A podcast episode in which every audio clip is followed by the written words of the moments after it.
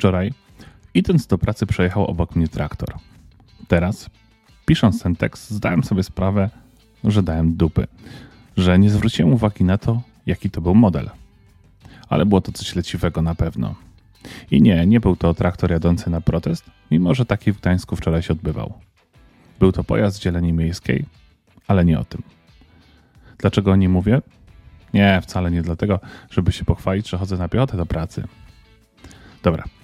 Traktor ten natknął mnie, dosłownie, pięknym zapachem przepalonej ropy. Był to moment, gdy poczułem się jak Mickiewicz, który zaczynał swoją inwokację. Przez moment, dzięki temu rolniczemu pojazdowi zostałem przeniesiony ponad 600 kilometrów do malowniczej Małopolski, do jednej z wiosek, gdzie takich traktorów było mnóstwo. Ten zapach przywołał dobre, jak i złe wspomnienia z dzieciństwa. Gdy kupiłem pierwszego starego Mercedesa, doświadczyłem dwóch różnych zapachów. Pod maską i wokół niej, nawet tej zamkniętej, unosił się przyjemny, ale jednak odór benzyny. Uznałem, że jest to stare auto, stało bardzo długo, pewnie są gdzieś przecieki, więc tak musi być. Uszczelnimy wszystko, wymienimy filtry i inne elementy, które trzeba zmienić i będzie jak współczesny.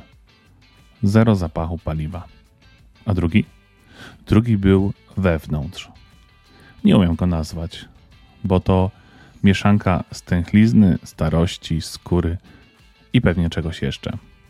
A najgorsze jest to, że nie potrafię powiedzieć, czy on mi się podoba.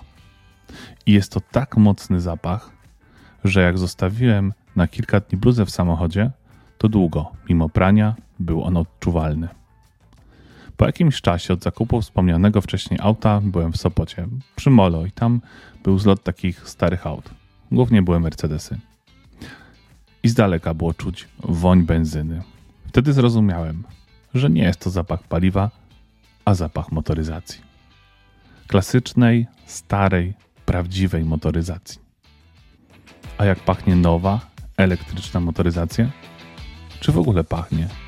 A jeśli nie, to czy nadal to motoryzacja?